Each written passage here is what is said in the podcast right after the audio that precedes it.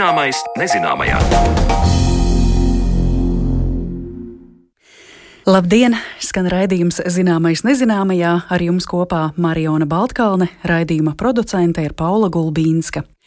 Atkritumu šķirošana, atkritumu pārstrāde, nu jau daudzus gadus notiek diskusijas par to, kā mazināt aizvien pieaugušos atkritumu kalnus, kuros dzīvojam.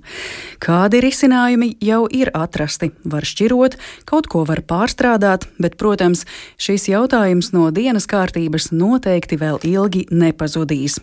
Mēs šīs dienas raidījumā iezīmēsim divus virzienus. Vispirms runāsim par to, kāda ir pašreizējā situācija ar atkritumiem mūsu jūrās un to piekrastēs, un kas šos atkritumus rada. Bet pēc tam iepazīstināsim ar jomām, kurās strādā Latvijas pētnieki, iegūstot arī ko vērtīgu no atkritumu poligoniem, bet ražošanas blakus produktus, piemēram, piena sūklas, izmantojot, lai radītu zivju eļļu. Raidījuma otrajā daļā par to plašāk stāstīs pētnieki Laura Žorža un Krišs Palviņš. Bet šobrīd tad dodamies uz tuvākām un tālākām jūrām un okeāniem un to piekrastēm. Vidēji Latvijas piekrastē mētājas 35 dažādu atkritumu veidi katros 100 pludmales metros kā atkritumi nonāk jūrā un kas gan mūsu piekrastē, gan pasaules ūdeņos veido atkritumus. Par to mana kolēģe Zane Lāce Baltāksne iztaujā organizācijas Latvijas zemes draugi priekšsādātāju Jāni Ulmi. 16,5 tūkstoši atkritumu vienību tika savākt šovasar kārtējā vidas aktīvistu ekspedīcijā gar Baltijas jūras piekrasti Latvijas teritorijā. Tagad apkopojot datus, ekspedīcijas dalībnieki konstatēja, ka uz katriem 100 pludmales metriem ir rodami 375 atkritumi. To ir pāri par 30 dažādu veidu. Par laimi mums vēl nav jāšausminās par atkritumu salām, kādas miljoniem kvadrātkilometru platībā ir izveidojušās klusajā okeānā. Taču arī nulle minētie skaitļi ir iespaidīgi, lai varam runāt par žargonā sakot miskasti mūsu piekrastē. Kā Rīgas ielās nomests izsmēķis vai podā iemests ausu tīrāmais vatis kociņš nonāk līdz jūrai, un vai tiešām pludmalē nomesta salvete vai maisiņš nekavējoties kļūst par atkritumu ūdenī, par to tālināti ierakstītā sarunā stāsta vides izglītības fonda vadītājs un organizācijas Latvijas zemes draugi priekšsēdētājs Jānis Ulme. Tas notiek gan tieši tik vienkārši, bet tas procents no tādas tiešās atpūtnieku atstātajiem atkritumiem piekrastē nav tik milzīgs, tas nav vienīgais veids, tie veidi, kā atkritumi nonāk jūrā, ir daudz un dažādi, un tādi globāli vidējie skaitļi ir, ka četras piekdaļas, ne visur tas ir taisnība, bet četras piekdaļas no šiem jūras atkritumiem nāk no dažādiem sauszemes avotiem. Nu, Latvijas publikai patīk vainot tos kuģus, kas brauc, bet tā tomēr ir pie mums apmēram tikai viena piekdaļa. Un tad no šīs sauszemes ir ļoti daudz un dažādi ceļi. Tie var būt atpūtnieki vai biznesi piekrastē, pludmalēs sezonas laikā.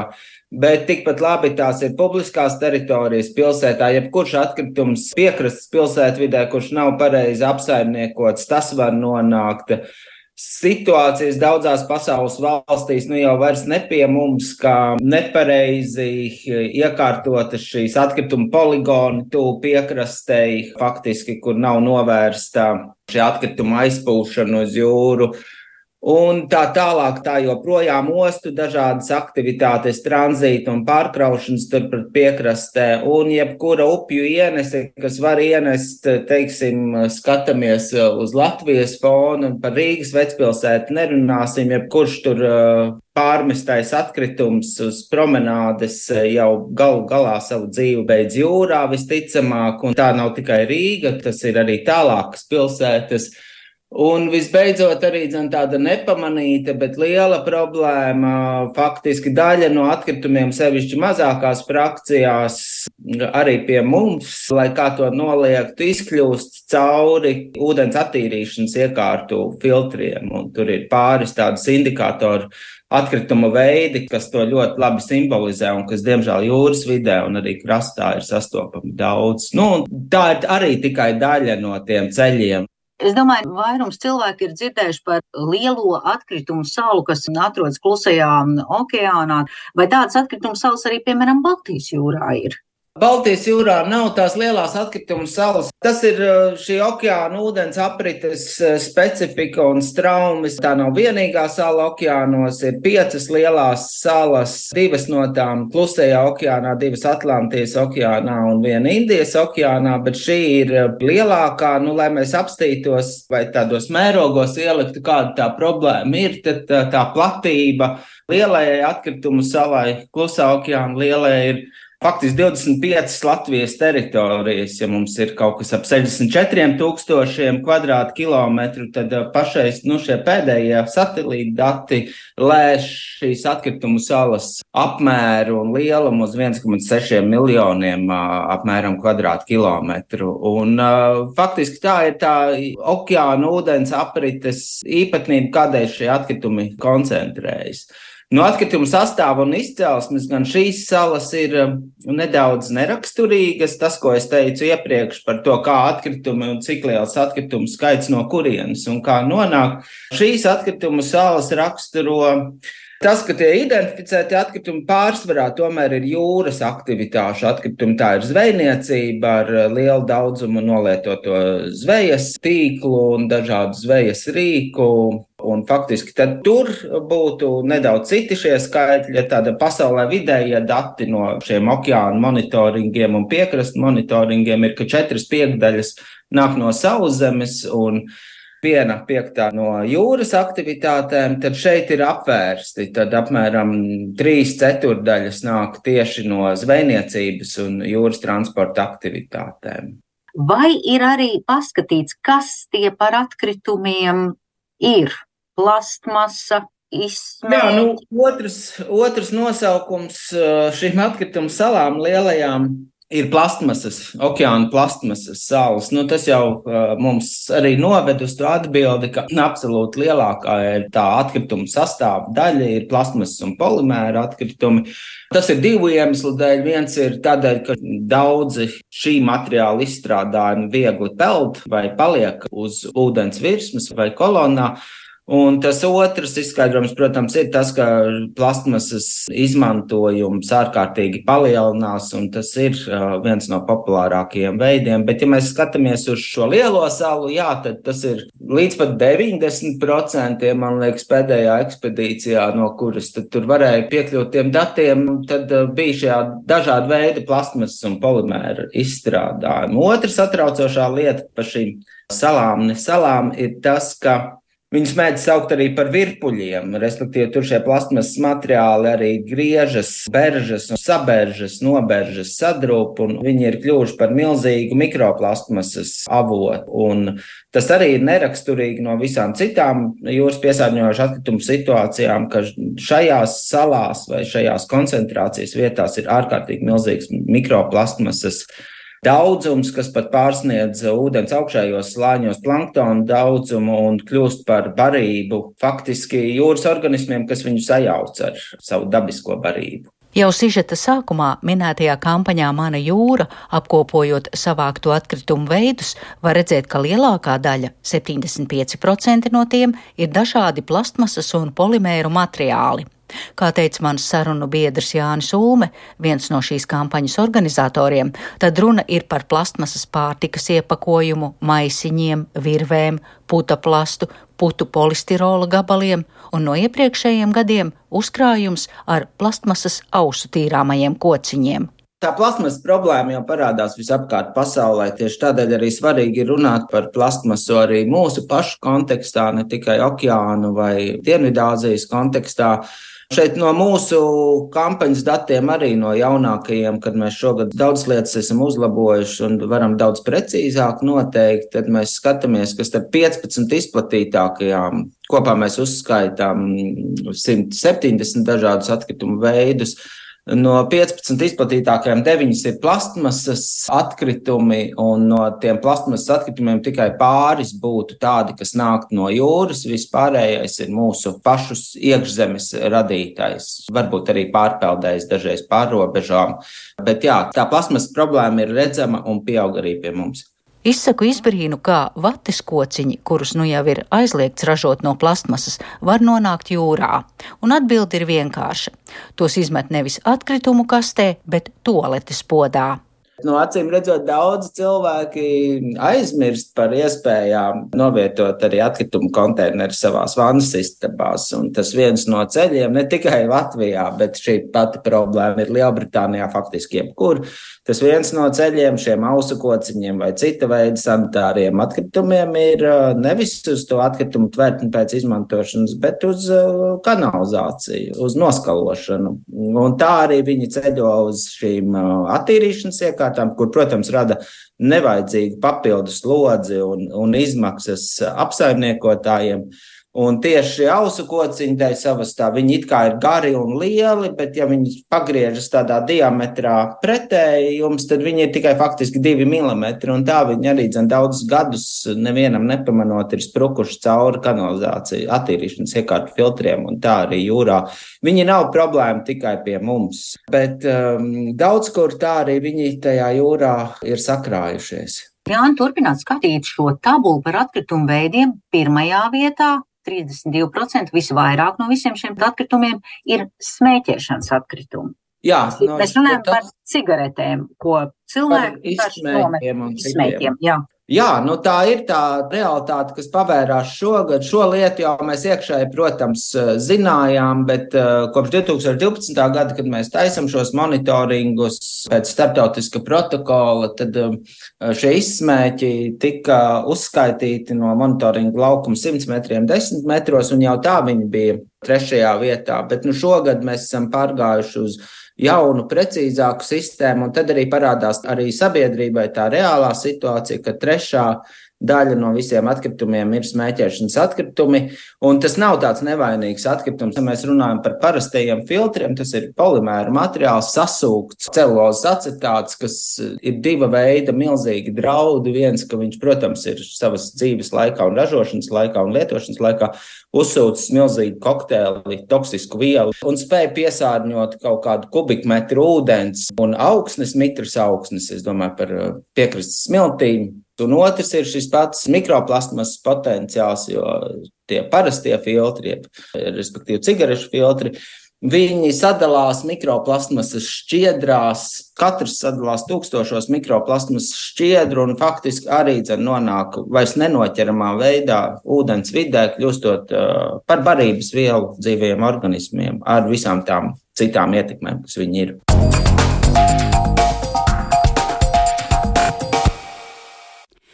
Tikko dzirdējāt kolēģis Zanes Lāces Baltāksnes veidoto sižetu par atkritumiem jūrās, okeānos, to piekrastēs un šo atkritumu veidotājiem.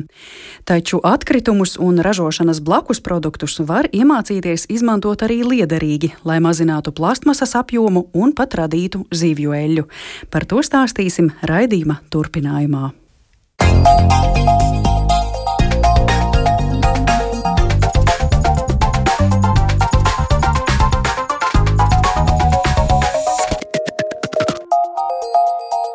Zināmais nezināmajā. Atkritumu apjoms pasaulē nemazinās, tāpēc pētniekiem jābūt radošiem, meklējot risinājumus, kā atkritumus var izmantot vēl citos veidos. Dažkārt tas pat nozīmē bīstamu un kaitīgu atkritumu masu padarīt par lielisku ieroci cīņā ar kādu samilzušu problēmu. Šoreiz mēs raidījumā skaidrosim gan to, kā no toksiskā atkritumu poligona infiltrāta var iegūt plastmasu apēdošas baktērijas, gan to, kā iegūt vērtīgo zivju eļļu no lauksaimniecības un pārtikas ražošanas atkritumiem. Un tāpēc šodien es sveicu studijā divus pētniekus. Latvijas Universitātes Bioloģijas fakultātes mikrobioloģijas un biotehnoloģijas katedras pētnieci Lauru Žoržu. Labdien! Labdien! Un viņai pievienojies Rīgas Tehniskās Universitātes vides aizsardzības un siltums sistēmu institūta vadošais pētnieks, asociētais profesors Krišs Spalviņš. Labdien! Labdien! Prieks jūs abus satikt un prieks arī uzzināt, kā šādi pētījumi virzās uz priekšu Latvijā tālāk, kādus risinājumus meklē arī mūsu pusē. Jā, jūs abi strādājat uh, pie tā, ko tad darīt ar atkritumu masu un kā varbūt citā veidā iegūt kaut ko, ko mēs lietojam pārtikā, uzturā. Laura, sāksim ar jums. Tātad, uh, atsaucoties uz publikāciju Latvijas Universitātes tīmekļa vietnē, tiek prognozēts, ka izmesto Plastmasas atkritumu daudzums 2050. gadā var sasniegt pat 12,000 miljonus tonu, kas negatīvi ietekmēs ekosistēmu un cilvēku veselību. Un, protams, šis lielais apjoms ir skaidrojams gan ar pasaules iedzīvotāju skaita pieaugumu, gan industrializāciju.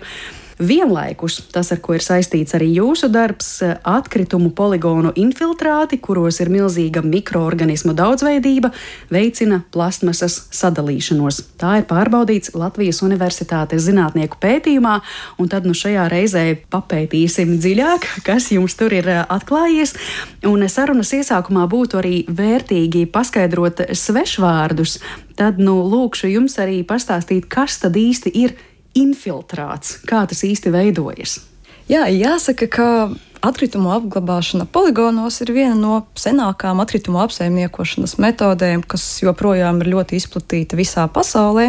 Un atkritumu poligonu infiltrāts faktiski tas ir šķidrums, kurš veidojas difundējot cauri poligonā apglabātajiem atkritumiem. Piemēram, mm, atkrituma poligonā gadu garumā tiek nogādāti dažādi municipālie atkritumi un nolīst lietus vai kādi citi nokrišņi, un šis ūdens laika gaitā izkļūst cauri biezajiem atkritumu slānim. Tāpat kā mums, cilvēkiem ir nepieciešams ūdens, tas ir vajadzīgs arī dažādiem mikroorganismiem, baktērijām, sēnēm. Un šajā gadījumā ūdens veicina mikroorganismu spēju noardīt dažādus atkritumus. Turklāt jāsaka, ka noardīšanās, jeb biodegradācijas procesu gaitā arī veidojas ūdens molekulas. Un apglabājot atkritumus, un tiem laika gaitā arī sadaloties, veidojas metāna gāze un šīs infiltrāts. Faktiski infiltrāts koncentrējas sevī dažādas organiskās, neorganiskās vielas, kas ir atkritumu sastāvā, un kas ir arī veidojušās mikroorganismu darbības rezultātā, pārstrādājot šos atkritumus. Atkritumu poligonu infiltrātu ķīmiskais sastāvs var būt ļoti dažāds atkarībā gan no atkrituma poligonu vecuma, gan no kaut kādiem klimatiskajiem faktoriem, piemēram, temperatūras, mitruma, un, protams, arī atkritumu veida, kas tiek nogādāti poligonā.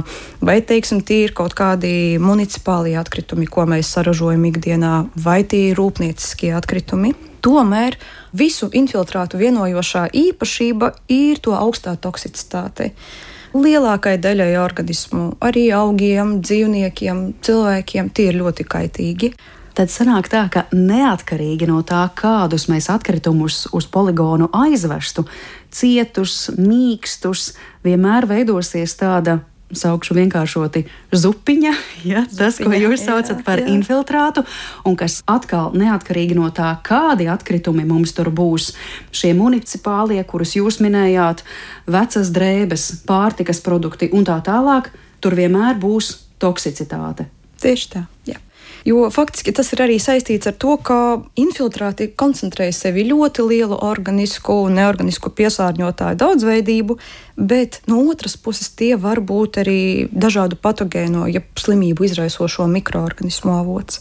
Un, attiecīgi, ja šī atkrituma poligona infiltrāti netiek apstrādāti, netiek attīrīti, pastāv risks, ka tie var nonākt gruntsūdeņos un radīt arī tādu apkārtējās vides ekosistēmu apdraudējumu. Un, un, tas savukārt rada riskus ne tikai dažādiem, piemēram, ūdenī dzīvojošiem organismiem, bet arī cilvēkam.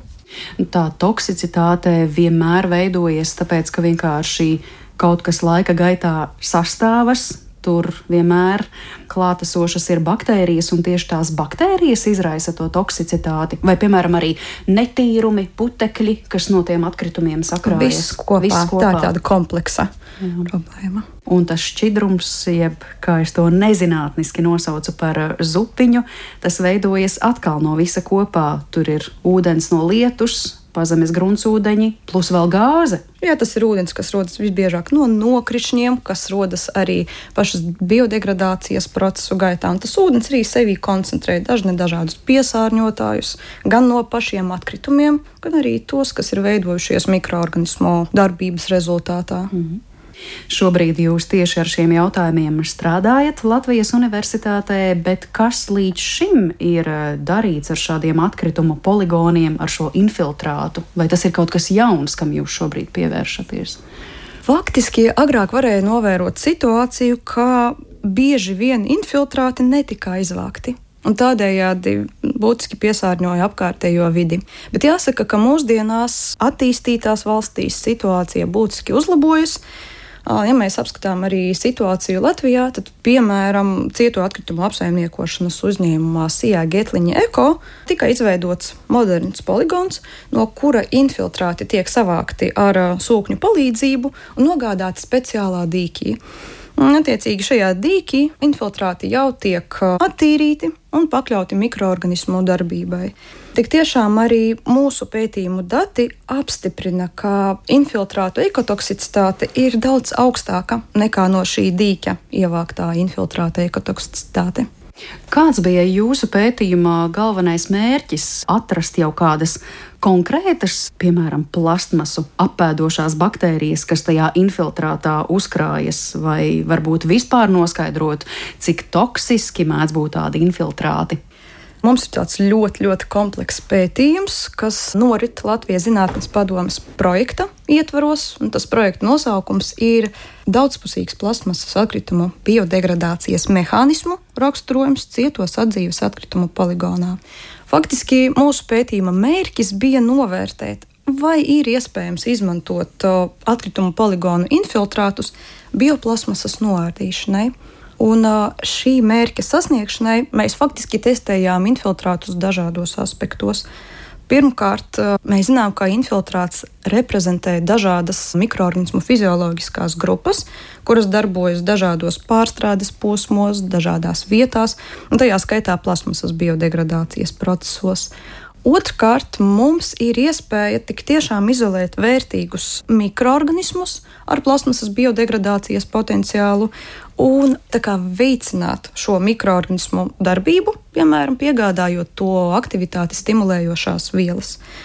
Un jāsaka, ka tieši plasmasas biodegradācijas mehānismu izpēte nākotnē varētu būt noderīga, lai stimulētu mikroplastmasas biodegradāciju apkārtējā vidē, piemēram, augsnē.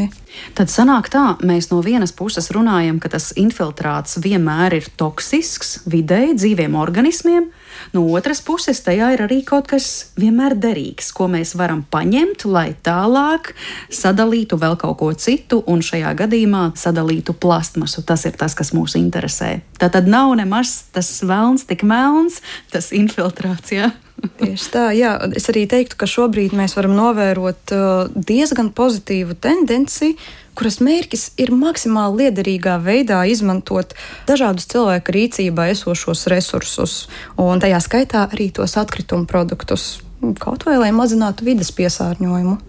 Vai jūs varat arī paraksturot, kā praktiski izpaudās šis process? Nu, tā tad ir milzīgs atkritumu poligons, kur vienmēr ir šis šķidrums, ko mēs saucam par infiltrātu, kā tas tika savākts, lai pēc tam novērtētu tā īpašības. Faktiski mūsu zinātniskajā grupā ietilpst pētnieki, kas pārstāv dažādas nozares. Tie ir gan mikrobiologi, gan ķīmiķi, gan geologi. Mēs sadarbojāmies ar Sijā Getliņu Eko, kas arī sniedz iespēju izpētīt viņu poligonā esošo infiltrātu.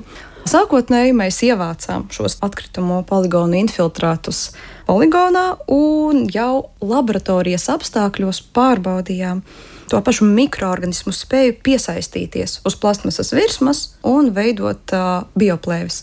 Bioplēves tas ir tādas mikroorganismu kopienas, kas var veidoties uz dažādām virsmām, tajā skaitā uz plasmasas, un laika gaitā veicināt tās biodegradāciju. Un cik tālu jūs esat pavirzījušies šobrīd, kas ir jau tas paveiktais un kas vēl priekšā? Tas, ko mēs jau esam izdarījuši, nopublicējām arī zinātnisko rakstu par šo pētījumu, Mēs paņēmām no kasavas, jeb maniokas, tas ir augs, kas plaši izplatīts Dienvidamerikā, un iegūto bioplasmasu. Un pārbaudījām, cik efektīvi tā var noardīties mikroorganismu ietekmē augsnē un atšķēdītā tādā divprocentīgā atkrituma poligonu infiltrātā. Pētījumu gaitā noskaidrojām, ka infiltrāts izrādījās piemērotāka vidē bioplasmasas noārdīšanai nekā augsne. Jo faktiski pēc 30 dienu eksperimenta šīs bioplasmasas degradācija 2% infiltrātā sastādīja ap 50%. Savukārt augsnē nu, tas bija ap 36%. Jāsaka arī tas, ka neskatoties to, ka sākotnēji pētījumos mēs strādājām tieši ar bioplasmasu, Tomēr arī bioplasmasas sastāvā ir dažādi plastifikatori, kas laika gaitā var nonākt apkārtējā vidē mikroplasmasas veidā un arī radīt zināmus riskus. Bet uh, pašlaik jau mēs ar kolēģiem turpinām darbu ar PET plasmasas paraugiem, kuru noārdīšana var aizņemt uh, pat desmitiem gadu. Un, uh, kopumā mēs salīdzinām dažādus apstrādes paņēmienus, dažādus veidus, kā stimulēt mikroorganismu piekrišanos plasmasas virsmai un veicināt tās biodegradāciju. Tad sanāk, ka tāda it kā toksiskā vide, tas infiltrāts eh, tām baktērijām ir pat eh, labāks, veicina to lielāku darbošanos, rosību nekā augsnē, tādā dabiskā vidē. Tas var būt saistīts ar to, ka infiltrāts ir ļoti bagātīgs dažādu mm. mikroorganismu avots, tajā ir arī dažādi enzīmi, kas var veicināt plasmasas noārdīšanu. Nu, tajā infiltrātā mikroorganismi bieži vien ir izturīgāki spējīgāki noardīt dažādas ksenobiotikas, grūti noardāmos savienojumus, nu, tajā skaitā arī plasmasu. Jā, it kā tāds mākslīgi kaut kas veidots, bet tajā pašā laikā nu, tā kultūra, kas tur pēc tam izaug, nemaz vairs nav tik mākslīga. Tur izaug dabiski viskaut eh, kas. Man bija jautājums, ja drīkst. Kāds īsti ir šis mehānisms, kādā šī plasmasas biodegradācija notiek? Vai tas ir mikroorganisms, šīs plasmasas izmanto kā barības enerģijas avotu, vai tomēr viņš vienkārši sintēzē kādas organiskās skābes un tās veicina šo degradāciju? Jā, droši vien ir jāsāk ar to, ka tas pats pats pirmais posms, ar ko aizsākas biodegradācija, ir mikroorganismu šūnu piesaistīšanās pie plasmasas virsmas. Kad šūnas piesaistās pie plasmasas, tās sāk veidot nu, jau manas pieminētās bioplēves. Un īsnībā tā ir tāda kompleksa darbība. No vienas puses, mikroorganismi savā Metabolisma rezultātā var ražot dažādus savienojumus, tās pašas skābes, kas arī veicinās plasmasas noārdīšanos. No citas puses ir zināmi arī mikroorganismi, kuri var izmantot to pašu plasmasu, lai iegūtu barības vielas un saražotu sev nepieciešamo enerģiju. Tieši papildinot to, ko Krišna pat jautāja, iesaistoties arī pamazām mūsu sarunā, mums šī gada sākumā raidījumā arī bija tikšanās ar pētnieku Jāni Liepiņu, kurš stāstot par baktēriju spēju apēst teiksim, tā plasmasu, minēja tādu baktēriju kā Ideonella sakaiensis. Šo baktēriju savulaik ir konstatējuši Japāņu zinātnieki. Un pētnieku testi pierādījuši to, ka plānu pēc plēvi šī baktērija spēja noārdīt aptuveni sešu nedēļu laikā. Un toreiz es, protams, Jānim jautāju, ah, nu tad viss, nu, recepte rokā, tad sakraujam lielu plasmasas pudeļu kalnu, apsmidzinam to ar baktēriju, un viss, un eh, pudeļi vairs nebūs. Nu, protams, tik vienkārši tas nenotiek, jo tās pudeles ir jāsasmalcina, un tad baktērija var iedarboties. Un, kā pētnieks Jānis stāstīja, tad eh, no šīs masas izveidot kādus jaunus ķieģelīšus, ko tad var atkārtoti izmantot.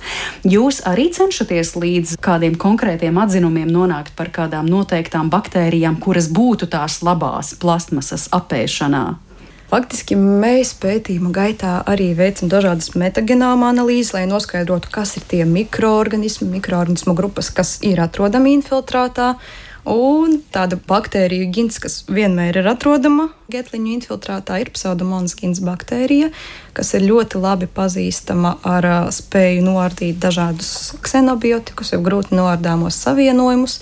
Tāpēc mēs arī laboratorijas apstākļos bieži vien meklējam dažādus veidus, paņēmienus, kā varētu stimulēt tieši šo pseudomonas baktēriju aktivitāti, lai attiecīgi tās varētu efektīvāk noardīt plastmasu tad uh, jums vēl ceļš priekšā, kaut kas jau ir atrasts. Bet uh, tagad, uh, Krišs, pievērsīsimies jums. Es saprotu, ka vārds atkritumi jūsu gadījumā arī nav svešs. Jūs arī strādājat ar ražošanas atlikumiem, nu arī varētu teikt tā, atkritumiem. Piekrītat? Jā, tur ļoti liela uzmanība ir jāpievērš mērķim, un no tā ir atkarīga ļoti šī definīcija, tad, ko mēs īsti izmantojam. Jo, piemēram, ja mēs runājam par tehnoloģiju, kurā mums gala produkts ir piemēram zivju eļļas ekvivalenti, kuri pēc tam varētu tikt izmantoti dzīvnieku vai pat cilvēku uzturā, tajā brīdī no vārda atkritumi mums ir ļoti jāuzmanās, jo nu, jebkas, kas var nonākt tiešā cilvēka uzturā šajā ķēdē, īsti no atkritumiem neko tādu ražot, iegūt mēs nedrīkstam. Tāpēc tajā brīdī mēs runājam piemēram par pārtikas ražošanu ražošanas blakus produktiem, kuri pēc būtības, pēc definīcijas ir pārtikas kvalitātes izēvielas. Tajā brīdī nu, mūsu darbs ir atrast mikroorganismu, kurš tad spēj šos blakus produktus teikt, apēst un saražot augstvērtīgo zivju eļļas ekvivalentu. Labi, tad šajā gadījumā mums no vārda atkritumi ir mazliet jāatvadās. Tas, par ko vairāk stāstīja Laura, bet eh, runa par mikroorganismiem ir vienojošais elements arī jūsu stāstā. Jūs esat iepriekš viesojies jau šajā raidījumā un stāstījis par zivju pārstrādes atkritumiem, bet tad to šoreiz liekam malā, un šobrīd jūs strādājat pie tā, lai iegūtu to, kas tieši ir zivīs bet eh, vienlaikus pašas zivis neizmantojot. Un tā tad runa ir par zivju eļļu ar augstvērtīgajām omega-3 augstskābēm, un mērķis panākt, ka šo eļļu mēs iegūtu laboratorijā no dažādiem ražošanas blakus produktiem, ne atkritumiem. Kas būtu šie blakus produkti, no kuriem būtu iespējams iegūt omega-3 augstskābes? Šie blakus produkti ir ļoti daudz un ļoti dažādi. Īsnībā, tad, kad mēs pirms septiņiem gadiem sākām šo tēmu attīstīt, tas bija praktiski pirmais darbs, pie kura mēs ķērāmies, mēģinājām identificēt pēc iespējas vairāk izēvielas, kas mums varētu kalpot. Un beigās identificējām vairāk kā 70. Par to arī uzrakstījām četras zinātniskās publikācijas informācijas, jo ļoti detalizēti tos visus 70 bija arī jāapraksta. Un tā, lai būtu klausītājiem tādi konkrētāki piemēri, viens ļoti interesants blakus produkts ir piemēram sieru sūklis no piena pārstrādes. Tātad, lai saražotu aptuveni 1 kg siera, tiek ģenerēta aptuveni 10 litri sieras ūkals, kas ir vērā ņemams daudzums. Un bieži vien arī Latvijā un citvietā šis sieras ūkals ir kā procesa notekūdeņi, kuri var radīt papildus finansiālu slogu uzņēmumiem, lai no viņiem tā kā atbrīvotos. Bet tā kā viņi ir pārtiks kvalitātes, tad viņi ļoti labi arī dara kā izēvielu, kā barības avots mikroorganismiem. Vēl viens piemērs, kas uzreiz nāktu prātā, būtu glicerīns no biodīzeļdegvielas ražošanas. Oh. Jo aptuveni uz katru tonu saražotā biodīzeļa radās aptuveni 100 kg glicerīna. Glicerīnam ir dažādi pielietojumi dažādākajās industrijās, bet, ja mēs viņus, piemēram, varam izbarot mikroorganismiem, kuri mums saražo kādu produktu ar augstu pievienoto vērtību, tajā brīdī mēs tā teikt no šī glicerīna dabūnam ārā pēc iespējas lielāku šo pievienoto vērtību, pēc iespējas augstāku mēs no tā iegūstam. Protams, es arī gribēju pakomentēt, ka mums noteikti nevajag arī distancēties no atkritumiem, tāpēc, kad arī mēs savā laboratorijā strādājam ar dažiem dažādākiem mikroorganismiem, un viens no tiem ir klostrīdijas, ģins baktērijas, kuras ir brīnišķīgi dažāda veida šķīdinātāju, sintēzētāji, un viens no tiem šķīdinātājiem ir butanols. Un butanols ir brīnišķīga, tā teikt, zaļā degviela. Un tajā gadījumā, ja mūsu gala produkts ir degviela, tajā brīdī mums vairs nav jāuztraucās, ka mēs mikroorganismiem izbarojam atkritumus. Tā kā šis līdzsvars starp to, ko mēs mikroorganismiem izbarojam un kāds ir mūsu gala produkts, šī savstarpējā attiecība ir tas, kas mums praktiski ir arī jāņem vērā. Un kā mums tas ir eh, jāsauc? Jā? Jā. Tad uh, sanāk tā, ka jūs papildus mēģinājumiem no ražošanas blakus produktiem iegūt omega-3 eh, augstskābes, kas ir atrodamas zivju eļļā pētāt arī, kā no jā, dažādiem atkal blakus produktiem, atlikumiem, atkritumiem iegūt dzīvnieku barībā izmantojamu proteīnu, dabīgos pigmentus, antioksidantus un to starp jūsu pieminēto biobutanolu. Cik tālu jūs esat pavirzījušies ar šo atkritumu izmantošanu dzīvnieku barībā izmantojamā proteīna radīšanai? Gan šīs zivju eļļas ekvivalenta, gan proteīnu ražošana, šīs te abas tehnoloģijas, viņas ir sasniegušas diezgan augstu briedumu, un abas jau šobrīd savā statusā ir kā jau komercializētas tehnoloģijas, un šobrīd mēs intensīvi sadarbojamies ar industrijas pārstāvjiem, lai tā kā virzītos uz priekšu, lai mēs varētu to tā teikt, pilotu ražotni izveidot, lai mēs varētu gan mikroorganismu eļļas, gan šos proteīnus, kuri būtu izmantojami dzīvnieku uzturā, lai mēs viņus varētu vismaz sākt jau testēt, kā tas izskatītos, ja mēs viņus varētu ražot jau industriālos apjomos. Jo pēc būtības, lai gan šis darbs ir ļoti interesants, ļoti aizraujošs, šī atbildība arī ir ļoti liela, jo šie pētījumi, kurus mēs veicam, viņi jau tāpat kā Laura pieminēja, arī no Latvijas Zinātņu padomas šis finansējums nāk arī no Eiropas Savienības dažādiem dažādu veidu šiem projektu līdzekļiem nāk. Tad neatkarīgi vai tas ir vietējais Latvijas nodokļu maksātājs vai Eiropas Savienības nodokļu maksātājs, jebkurā gadījumā mēs operējam ar šo naudu, kas mums tiek iedota, lai pēc tam tehnoloģijas, kuras mēs izstrādājam, lai viņas varētu pēc tam atdot atpakaļ tautsājumniecībai. Līdz ar to mēs arī strādājot pie šīm te tehnoloģijām ļoti domājam par to, lai tās tehnoloģijas mēs pēc iespējas ātrāk varētu ievirzīt komercializācijas gultnē, lai tad viņas varētu šo atdevi tā teikt arī nodrošināt.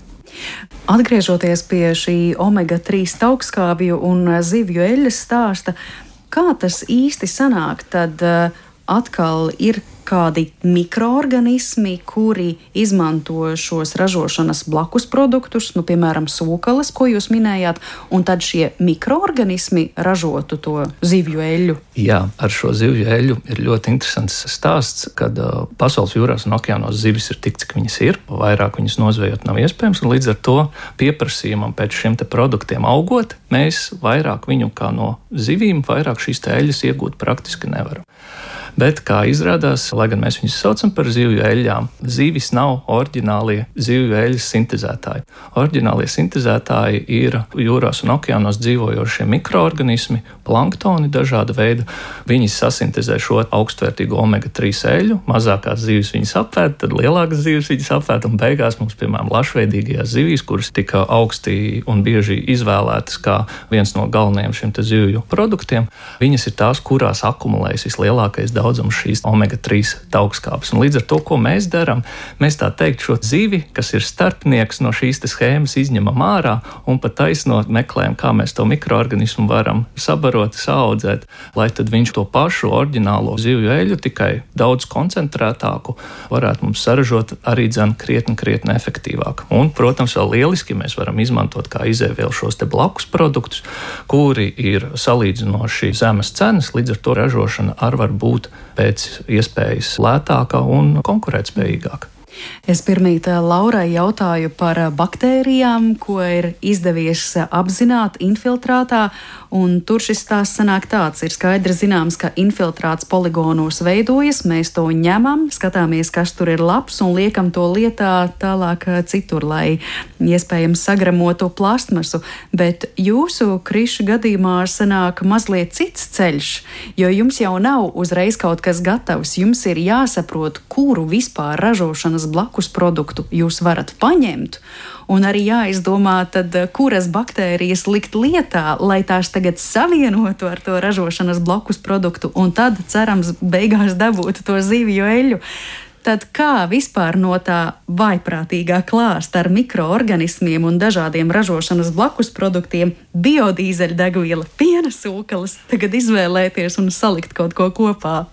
E, jā, katru tehnoloģiju, kuru mēs e, sākotnēji mēģinām identificēt un saprast, pie kā mēs varētu strādāt, sākās no angļuiski saucamā bottom-up principa. Tad mēs sākam ar gala produktu. Mēs meklējam, kur tirgu ir kāda veida situācija, tā kā tas, piemēram, bija ar zivju eļļu, ka mēs atskārtām, ka zivju eļļu nav iespējams vairs saražot, bet pieprasījums ir krietni augstāks, tāpēc pēdējo desmit gadu laikā zivju eļļas cena biržā ir ārkārtīgi pieaugusi, un tajā brīdī mēs no šī produkta, kā meklēt alternatīvu tradicionālajie zivju eļļai, mēs skatījāmies uz augšu. Tātad, kādi mikroorganismi ir visefektīvākie, kas šo eļļu varētu saražot. Un pēc tam, zinot šī mikroorganismā fizioloģiju, viņa īpašības, ko šis mikroorganisms varētu apēst, kas viņam vislabāk patikt un kas ir šis blakus produkts, arī dzēn, lai viņš būtu pēc iespējas lētāks, jo mums joprojām jāskatās konkurētspēja par šo ekonomisko aspektu arī dzēn. Tā kā visas šīs te tehnoloģijas, viņas pēc būtības